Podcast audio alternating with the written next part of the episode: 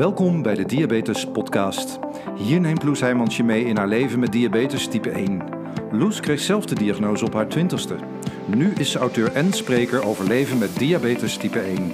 Naast haar eigen verhaal beantwoordt Loes ook vragen van luisteraars, gaat ze in gesprek met experts en deelt ze de nieuwste ontwikkelingen op diabetesgebied. Hier is jouw inspiratieshot voor deze week. Dit is de Diabetes Podcast. Welkom bij weer een nieuwe aflevering van de Diabetes Podcast. En leuk dat je weer luistert. Ik, um, ja, ik had het in een eerdere aflevering alles over loepen. Hè? Dat je pomp en sensor met elkaar gaan praten uh, via een app. Nou, wat daar allemaal voor nodig is uh, uh, en hoe dat in zijn werk gaat, dat kun je terugluisteren in aflevering 7 als je dat nog niet hebt gedaan. Maar daarin gaf ik bijvoorbeeld ook aan wat um, de basis is om te gaan starten met dat loepen. En dat zijn je getallen. Hè? Ken je getallen, ken je koolhydraatratio, weet wat je bezaalstanden zijn. Um, en ja, iets wat daar heel erg bij helpt om daar inzicht in te krijgen, zijn natuurlijk glucosesensoren. Um, ik zag uh, laatst het uh, vakblad de Diabetes Pro voorbij komen. Dat is een vakblad voor, uh, voor verpleegkundigen en um, praktijkondersteuners. En daarin stond een heel artikel over de omgang met data voor, um, ja, voor die zorgverleners. En dat vond ik heel interessant, want vorig jaar heb ik natuurlijk samen met de Orietta Koster heel hard gestreden voor de vergoeding van, van glucosesensoren. Um, daar, is ongeveer ons hele jaar 2019 uh, eh, in gaan zitten. En um, nou ja, de, dat is ook voor een gedeelte gelukt. Voor een gedeelte zijn we daar ook nog heel hard mee bezig. Uh, CGM natuurlijk in het basispakket nog komen. Um, maar er zijn al heel veel mensen ook met de FGM kunnen starten toen dat eind van het jaar in het basispakket kwam. En ja, mijn leven heeft het echt veranderd, het, het, werken met een, met een sensor. Maar het verandert dus ook de zorg en de manier van werken daar. En het feit dat in die Diabetes Pro een heel artikel daaraan gewijd was, van goh, wat ga je nu doen eigenlijk met al die data die binnenkomt, dat was voor mij ook alweer een eye-opener. Dat ik dacht, oh ja, het verandert niet alleen iets voor de patiënt, maar ook voor de zorgverlener. En ik heb onlangs nog een uh, aflevering van Diabetes TV opgenomen met uh, Frank Snoek, uh, psycholoog. En um, ook de mentale impact die diabetes heeft en hoe dit verandert als je veel meer data binnenkrijgt. Daar hebben we het toen over, um, over gehad. Dus nou ja, ook die aflevering. Ik uh, geloof, ja, het is aflevering 22 van Diabetes TV. Heel interessant om, om terug te kijken. Maar vandaag in de podcast kijk ik dus eens naar de andere kant, namelijk die impact van al die cijfertjes en nieuwe ontwikkelingen um, op het diabetesteam. Ook voor hen vraagt dat natuurlijk een hele andere manier van werken. En ik ga daarover in gesprek met internist Fred Storms. Hallo Fred. Hallo Roes. Wij hebben sowieso al uh, afgesproken dat, we, dat ik jou Fred mag noemen en dat we elkaar uh, tutoyeren. Dus uh, dat is, dan kunnen de luisteraars daar meteen in meegaan. maar Fred, kun jij jezelf even kort voorstellen aan de luisteraars? Ja, ik ben Fred Storms internist en dat heet dan NP, niet praktiserend, gepensioneerd sinds een paar jaar. Nog steeds actief. Ik probeer mijn zaken bij te houden. Uh, ben nog actief bij de DVN, waar ik heel blij mee ben. Waar ik wat kan doen voor de eindgebruiker, zoals het heet. En ben medisch adviseur van een firma die bezig is met het maken van een insulinepomp. Uh, de Vicentra Club in, uh, in Utrecht. En verder doe ik nogal wat aan nascholing. Nou, dat ben ik op dit moment. Het vak nog niet kunnen loslaten, dus als ik dat zo hoor. Nee, dat, is, uh, dat, dat zit zo diep ingebakken dat het bijna onmogelijk is om het los te laten. En het is nog steeds leuk, want de ontwikkelingen gaan echt hard, harder dan toen ik een paar jaar geleden nog in zat. Ja, mooi om dat, uh, om dat dan te volgen, inderdaad. Um, ja, want, want hoe kijk jij naar al die ontwikkelingen die zich de laatste jaren hebben voorgedaan, bijvoorbeeld op, op sensorgebied en het gebruik van, uh, van FGM en CGM? Ja, ik, ik, heb, ik heb altijd al gezegd, er zijn twee mogelijke oplossingen voor diabetes. met name voor type 1. Het ene is dat de mensen zorgen dat we weer functionerende beta-cellen krijgen. Nou, daar wordt hard aan gewerkt, maar ik moet zeggen dat ik altijd een beetje teleurgesteld ben met in de snelheid waarmee dat gaat. Maar goed, daar wordt nog steeds hard aan gewerkt. En de andere oplossing was een technische oplossing. En iedereen vond dat vrij belachelijk, techniek, en dat zou het nooit worden. Maar de techniek heeft het tot nu toe toch gewonnen van de, van de transplantatiegebeurtenissen. En die lopen voorop. En die ontwikkelingen gaan de laatste jaren echt heel hard. Dus continu meting van bloedsuiker was de doorbraak. Ik heb de eerste doorbraak meegemaakt. De komst van de glucosestrips eind jaren 80 in de vorige eeuw, wat een echte revolutie was. En dit is de volgende stap.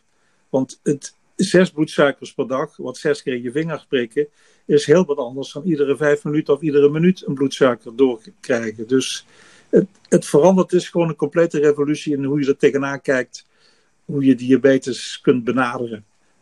Ik vind het wel interessant als je zegt dat daar altijd een beetje sceptisch tegenaan gekeken werd tegen die technische ontwikkelingen. Was dat echt uh, iets waarvan men zei van nou, dat, dat moeten we nog maar zien? Ja, ja. Het, het is uh, altijd veel wantrouwen geweest en er zijn inderdaad ook mislukkingen geweest. Hè. Ik kan me nog herinneren dat er een horloge was die continu bloedsuiker kon meten. En dat ding gaf hoge waarden aan als je hypo's kreeg. Dus het was levensgevaarlijk. Dan ging je bijspuiten op hypo's.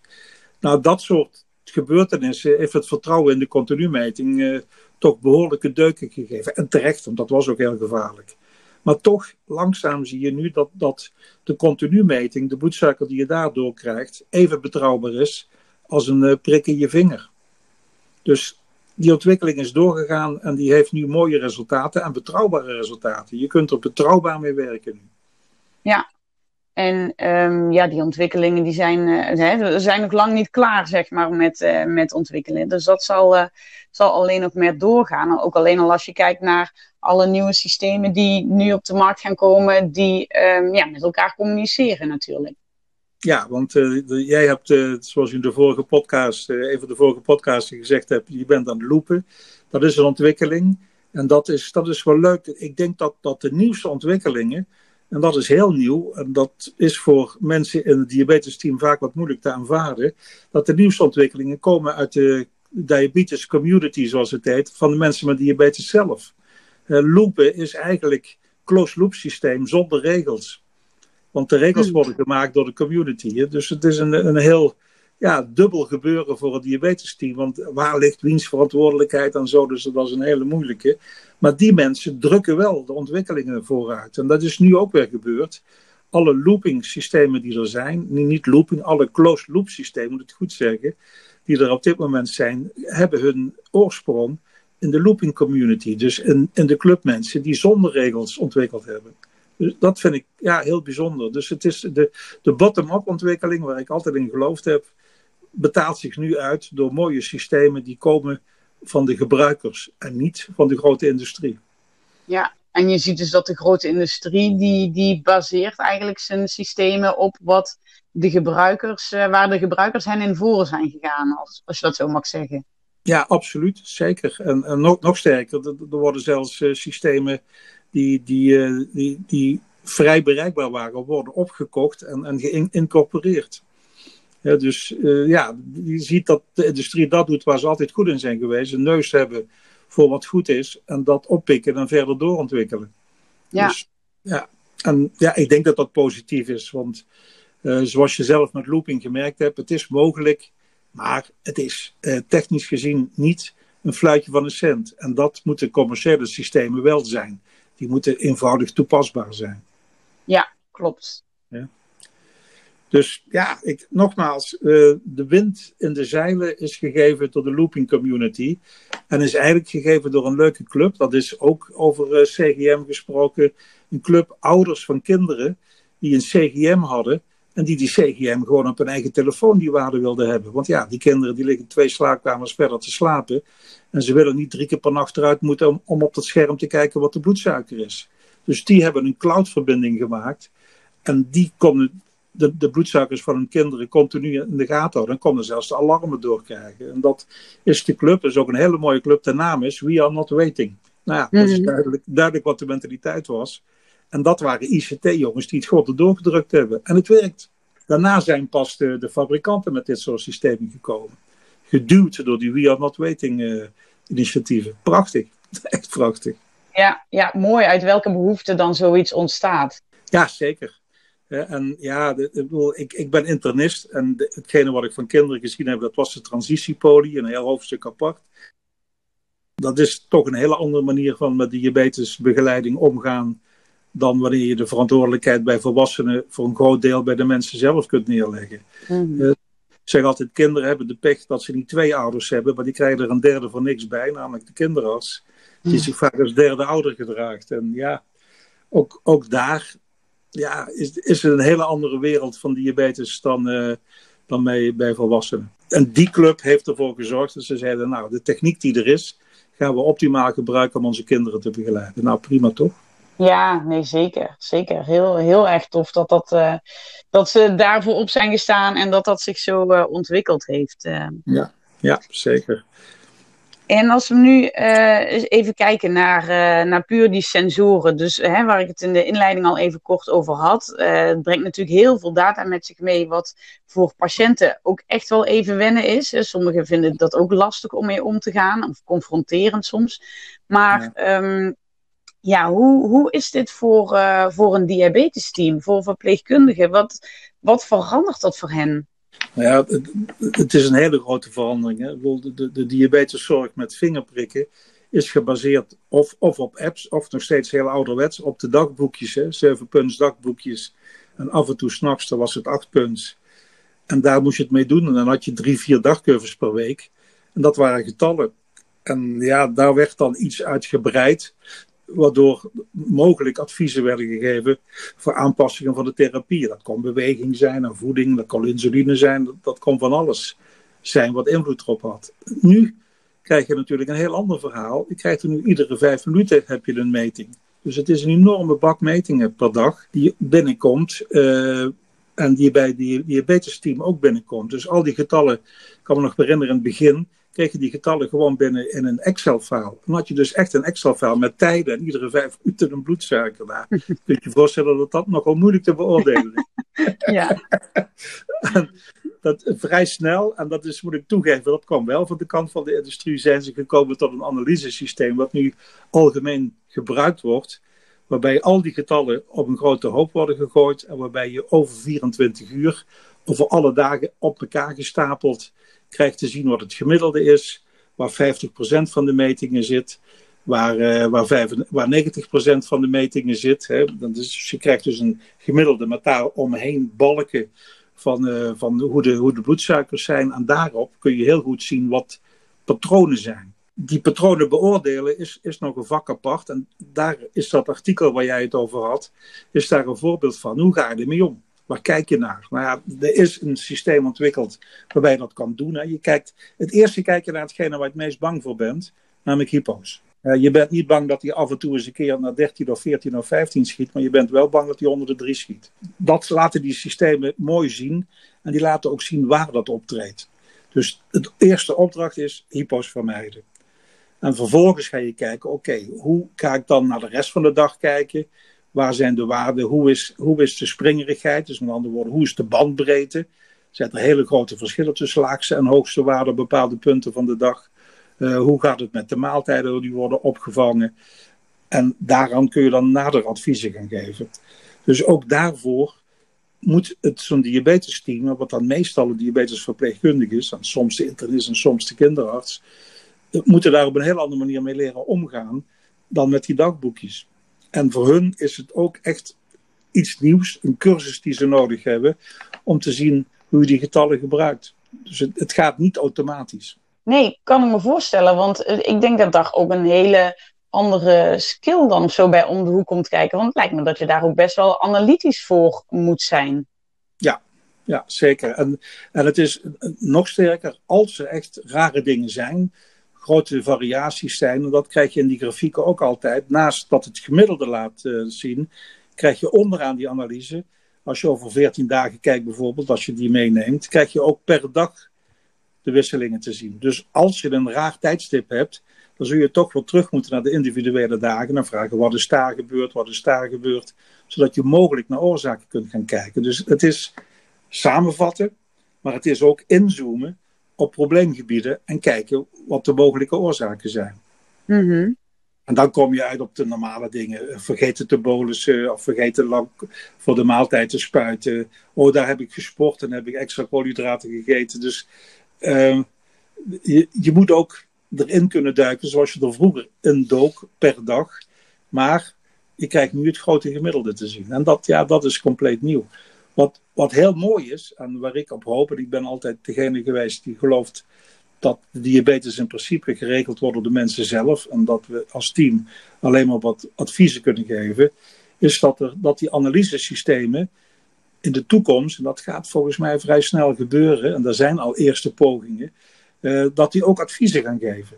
Dus dat de taak van de diabetesverpleegkundige niet wordt overgenomen, maar dat er in het systeem adviezen worden gegeven van let eens hierop, let eens daarop, want dat zien we. We zien op die punten hypo's, dan zijn meestal de oorzaken dit en dat en dat. Dus dat boven de analyse van de getalletjes ook nog naar de therapiemogelijkheden wordt gekeken voor aanpassingen.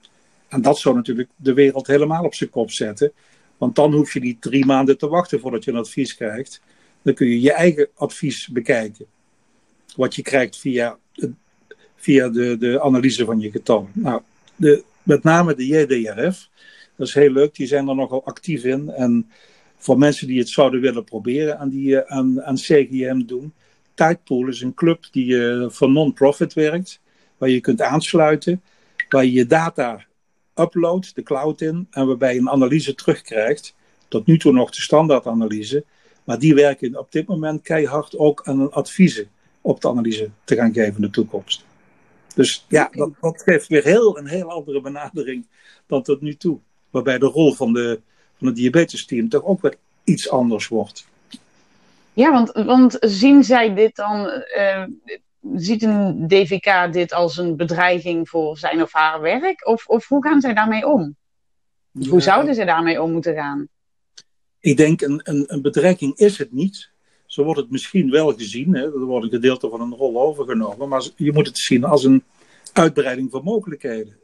Want ja, met iemand bijpraten van... God, ik krijg die adviezen. Wat, wat vind je ervan? Wat zou ik doen? Is natuurlijk perfect om dat te doen samen met je diabetesverpleegkundige. En ja, ik denk dat het geen bedreiging is. Het is een hele nieuwe manier van werken. En, en dat is in de geneeskunde altijd jammer. En ik moet zeggen dat wij als internisten daar niet al te sterk in zijn om nieuwe dingen op te pikken. Dus voordat dit soort dingen geïmplementeerd zijn, voordat dit soort dingen gebruikt worden door mensen, ja, dat kan nog wel eventjes duren. En, en degenen die actief zijn en die zelf gaan zoeken, die zullen het toch vinden. Net zoals jij looping gevonden hebt, wat ook natuurlijk een gedeelte van de verantwoordelijkheid bij diabetes team wegpakt. Ja, ze zullen mensen ook naar, naar auto-analyse van hun getallen gaan zoeken zoals ik het zie, is het juist een kans uh, dat er zeg maar, hulp komt bij het analyseren van die cijfers. Omdat uh, er dan gewoon veel meer tijd overblijft om te vragen hoe het echt met die patiënt gaat. En, en ook hoe het mentaal gaat, maar hoe die in het leven staat. Uh, en, en dan hoeft er niet meer zoveel tijd besteed te worden aan, goh, waar zitten die hypo's en die hypers en wat moeten we daar nou mee? Als dat er werk al wordt gedaan, nou ja, dan, dan krijg je volgens mij alleen kwalitatief vele betere gesprekken met je, met je diabetesteam. Ik denk dat er ruimte vrijkomt voor, voor andere dingen. Ja. En, en natuurlijk, als je nog een stap verder gaat, uh, dan krijg je de, de echte closed loop systemen. dus we hebben nu, er was hybrid closed loop, dus een closed loop waarbij de bazaal wordt aangepast, maar nog niet, uh, maar nog niet de, de, de bolussen worden gegeven als je te hoog zit. Mm er is nu Advanced Hybrid Closed Loop, zoals het heet. En daarbij worden er wel tussendoor kleine microbolussen gegeven om aan te passen, los van de aanpassing van je basale. nou, mhm. dat, dat blijkt nog een stuk beter te werken. Dus ik denk dat als we naar, naar die autoregulatie gaan, en ja, het is een hoop ICT, en ja, het is een hoop techniek, maar het is ook ongelooflijk wat het oplost. Dus de volgende stap zou dus zijn dat ook de insuline toediening rond maaltijden, dat die volledig vrijgegeven wordt en dat die in het apparaat overgelaten wordt. Er was een hele mooie studie. er was bij, bij kinderen met zo'n advanced hybrid closed loop. En wat je ziet is, uh, en dat is een eye-opener voor mij geweest, is dat kinderen vaak, zeker als ze in de omgeving van hun peers zijn, gewoon niet bolussen. Dat doe je niet. Je gaat die pomp niet tevoorschijn halen of je, of je telefoon om te bolussen. Nou, mhm. dat, ding, dat ding ving met name die overgeslagen bolussen perfect op. Zodat de stijgingen in de loop van de dag dat die een stuk beter werden. De nachtelijke waarde, daar was al lang van aangetoond bij close loop dat dat een stuk beter werd. Maar nu zag je ook dat de waarde in de loop van de dag, met name na maaltijden, een stuk beter werd. Dus die bereikte ook bij kinderen van 50% time in range, zoals het heet, dat die ook naar 74% ging. Ja, dat, dat is nog nooit vertoond. Dus de techniek wint het inderdaad van de transplantatiemannen. Dus, en vrouwen, sorry. Hopelijk gaat het nu snel in. Want dat zou natuurlijk een veel mooiere oplossing zijn. Maar ja, zolang de techniek het wel doet en zij het nog niet doen, ja, prima. Moeten we daar naartoe gaan en krijgen we meer tijd inderdaad om niet naar de getallen te kijken, maar naar, om naar de mensen met diabetes te kijken. Ja, ik denk dat dat, uh, dat inderdaad prachtige ontwikkelingen zijn. En het, het um, zaak is gewoon om die techniek te on, omarmen als patiënt, maar ook, uh, ook als diabetesteam. En om dat ja. zeker niet als, uh, als een bedreiging uh, te zien. Nee, zeker niet. Want je hebt je team natuurlijk altijd nog nodig om ook naar de andere dingen te kijken die belangrijk zijn. Bedoel, er moet ook iemand naar je bloeddruk kijken, er moet ook iemand naar je nierfunctie kijken, er moet iemand je ogen in de gaten houden. Bedoel, dat soort dingen blijven gewoon natuurlijk. En los daarvan, ja, het hele sociale gebeuren, wat nogal behoorlijk beïnvloed wordt door diabetes, heeft natuurlijk ook zijn plaats nodig en die krijgt nu wat meer ruimte. Ja, want kijk, als we het hebben over al deze technieken en ontwikkelingen, sensoren, uh, pompen, loepen. Uh, er zijn natuurlijk ook nog steeds heel veel mensen die uh, geen pomp gebruiken, die nog insuline spuiten. Ja. hoe, zie, hoe zie jij die groep? Ik denk dat die groep voor een groot deel zal teruggaan naar de eerste lijn toe. Die steeds meer naar zich toe trekken. Uh, hangt een beetje natuurlijk vanaf hoe het verzekeringssysteem dit, dit gaat oppakken en doorzetten. Um, en dat daar ook langzaam steeds meer technische ontwikkelingen komen. Bijvoorbeeld die, die jongens die ik net zei van Tidepool. Daar kun je niet alleen maar CGM-data opsturen, maar dan kun je ook gewoon je, je meterstanden en je insuline en je tabletjes aan doorgeven. En dan komen ze ook met een analyse terug. Dus het is niet beperkt tot CGM'ers. Nee. Dus ook, ook die mensen kunnen makkelijk gebruik maken van een service die hun getallen analyseert en die dat netjes naar je toestuurt in een behapbare brok die, die begrijpelijk is. En als je het niet begrijpt, is dat natuurlijk perfect iets om te bespreken met je verpleegkundige of met je POH. Dus de, de mogelijkheden zijn, ja, zijn royaal. En, en het idee dat, dat oudere mensen geen computers gebruiken is onzin. Bij ouderen is het uh, gebruik van uh, computers en verbindingen zoals wij dat nu doen, hè, een podcast via de telefoon en zo, en een podcast luisteren, is echt niet abnormaal. Het, het wordt echt gebruikt en het wordt veel gebruikt. En er blijft natuurlijk altijd de categorie mensen die het niet gebruiken. Nou ja, die moeten ook geholpen worden. Mm-hmm. Maar dat, dat, krimpt. Het is uh, iedereen onderschat de hoeveelheid ICT-gebruikers bij, bij oudere mensen. Waar ik ondertussen ook bij hoor. en ik ben gek op ICT. Maar goed, dat is een ander verhaal. nou, dat is een mooi voorbeeld in ieder geval. Ja, en ja, om af te sluiten, heb jij een tip voor uh, patiënten en zorgverleners om met al die nieuwe technieken op de best mogelijke manier om te gaan? Um, de beste tip is dat de mensen die, die naar de polykliniek gaan, dat die van tevoren hun data op een of andere manier beschikbaar stellen aan de diabetesverpleegkundige. En dat hangt er heel erg vanaf welk systeem het ziekenhuis gebruikt wat mogelijk is. Uh, zodat de, de, het overleg een stuk makkelijker wordt. En het probleem wat ik zag bij, uh, bij bezoek aan de diabetesverpleegkundige, dat vaak nu de techniek niet ideaal is. En dat mensen zeer kostbare polytijd verliezen door geklungel om data uit de cloud te halen. Mm. Dus zorg in ieder geval dat de mensen, als je gaat, dat ze de informatie hebben. En praat er open over. En hetgene wat ik altijd heb gezegd, kom zelf met suggesties. Hè. Wacht niet alleen maar af wat de analyse en wat de adviezen zijn van het diabetesteam, maar denk van tevoren zelf ook na. Van god, wat gaat er goed, wat gaat er niet goed? En wat zou ik kunnen, kunnen veranderen? En wat wil ik bespreken om te kunnen veranderen? En die mogelijkheden zijn er nu veel meer, omdat je zelf van tevoren ook al een analyse kunt hebben.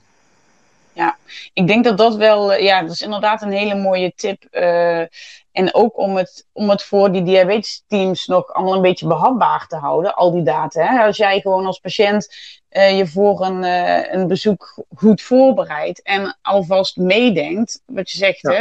je hoeft er niet, niet achterover te leunen, maar gewoon dit zijn de cijfers. Ik heb er zelf ook al eens naar gekeken. Mij is dit opgevallen. En uh, ja, zo kun je zelf natuurlijk ook meedenken. En denk samen tot, uh, tot de beste behandelmethode en oplossingen en aanpassingen komen. Ja, ik blijf volhouden. De enige die, die ervoor kan zorgen dat, dat die suikers een beetje in de hand blijven, is degene die met diabetes heeft. En niet degene die in het diabetes team zit. Mm. Uh, de enige die, die er ook op een productieve manier mee bezig kan zijn, is degene met diabetes. En de rest zijn hulptroepen. Dus beschouw het ook zo. Hè. Dus zet jezelf achter het stuur en zie de rest gewoon als uh, allerlei hulp die, die je helpt om goed te rijden, om goed koers te houden. Dat vind ik een mooie om, uh, om mee af te sluiten, inderdaad. Nou, hartelijk dank, uh, Fred, voor je, voor je inzichten. En ik zou zeggen, uh, nou, blijf nog, nog lekker lang actief in de diabeteswereld. volgens mij kunnen we dat goed gebruiken. Gaan we best doen. Tot ziens, Loes. Dank je. Hey Loes, zat er nog iets leuks bij de post deze week? Ja, er zat iets bij de post wat eigenlijk mooi aanhaakt bij het onderwerp waar ik het met Fred over had. Um, een vraag die ik regelmatig krijg nu ik gestart ben met loepen. Van goh, heb je dat aangepakt? Um, ben je eerst naar je DVK gestapt of naar je internist? En uh, staan zij daarachter uh, wel of niet? Um, Kijk, dit is voor heel persoonlijk natuurlijk. Ik ging uh, als looper, uh, had ik een vliegende start en ik lichtte eigenlijk separaat mijn diabetesverpleegkundige in. Niet met de vraag van, goh, zou dit iets zijn? Um, zou ik dit proberen? Maar meer, hey, ik ben gaan lopen, uh, kijk hier met me mee. Meer dat idee. Maar ik sprak dus laatst ook iemand die zei, ja, ik wilde gaan lopen. Uh, en uh, want ik zit echt een beetje te klooien met mijn waarden. En ik dacht, nou, dat kan het wel zijn. Dus ik, zij had een gesprek gehad met haar diabetesverpleegkundige en um, gevraagd van, goh, denk je dat dit iets voor mij zou zijn? En de betreffende diabetesverpleegkundige was echt compleet in uh, de afweerstand, zeg maar, gesprongen.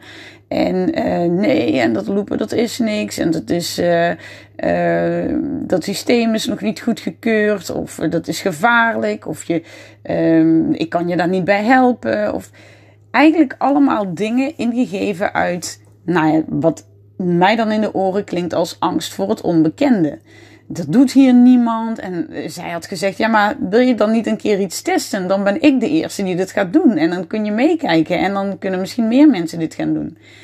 En ik denk dan, nou, ik kan daar echt wel een beetje boos over worden. Dat ik denk, ja, jouw patiënt wil gewoon de beste zorg voor zichzelf en is aan het zoeken op welke manier dat zou kunnen passen.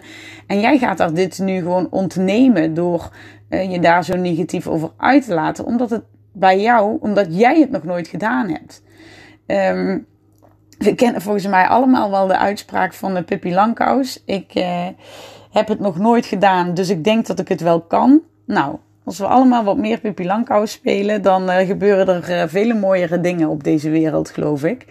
En dat was dan ook mijn advies aan haar. Um, ga het gewoon proberen.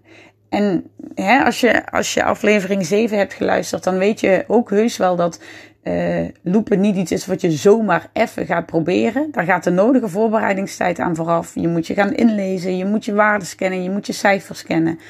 Um, je moet een app bouwen. Dat doe je echt niet van de een op de andere dag. Maar uh, je bent ook niet afhankelijk van een DVK of een internist om daar aan te beginnen. Er zijn heel veel uh, mensen in de diabetes community die je daarbij kunnen helpen, die je kunnen helpen met vragen. En um, ik zou zeggen, als, je, als jij nou in zo'n situatie zit, dat je DVK niet uh, staat te springen om jou daarmee te helpen, dan stel gewoon voor om het samen te doen. Dan zeg je, nou, ik ga het toch wel doen. Kijk jij dan met mij mee? He, dan leer jij misschien weer dingen die, die je aan andere patiënten kunt leren. Dan kun je me wel coachen op he, als ik ergens zit, vastloop met mijn getallen of um, met instellingen of wat dan ook. Maar laten we het gewoon samen doen. Maar laat je niet tegenhouden.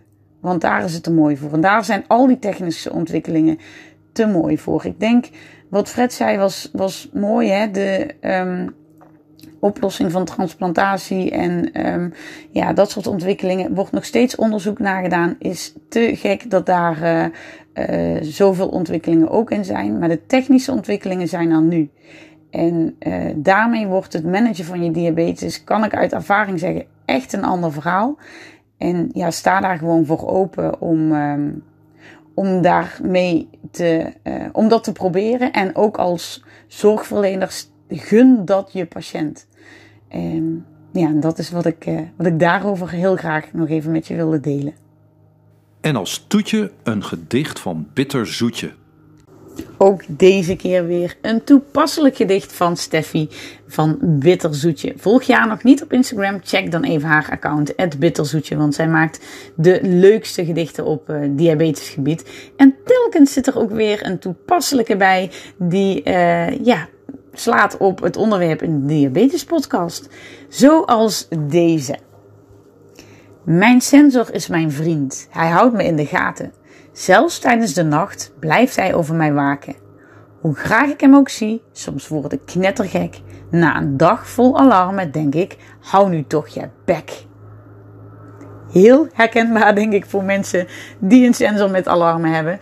Um, het is mijn eh, lifesaver, maar ik kon er soms ook inderdaad helemaal knettergek van worden. Dus dankjewel Steffi om dit weer zo treffend te verwoorden.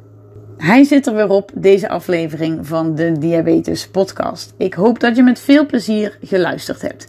En denk je, dit is ook wel iets voor mijn vriend, vriendin, collega, zorgverlener, wie dan ook, deel de podcast. Je kan in Spotify gewoon heel makkelijk een linkje delen om hem door te sturen. En um, nou ja, ook in Google podcast of op iTunes kan je een review achterlaten. En dat maakt weer dat de podcast makkelijker vindbaar wordt voor andere mensen die geïnteresseerd zijn. Ik zou het in elk geval heel tof vinden als je één of twee minuutjes van jouw tijd daaraan uh, wilt spenderen. Ik wil je in elk geval bedanken voor het luisteren. Laat me weten wat je ervan vond via Instagram loes.doemijmadiabetes of stuur me gewoon een mailtje info Dit was het voor deze keer en graag tot de volgende.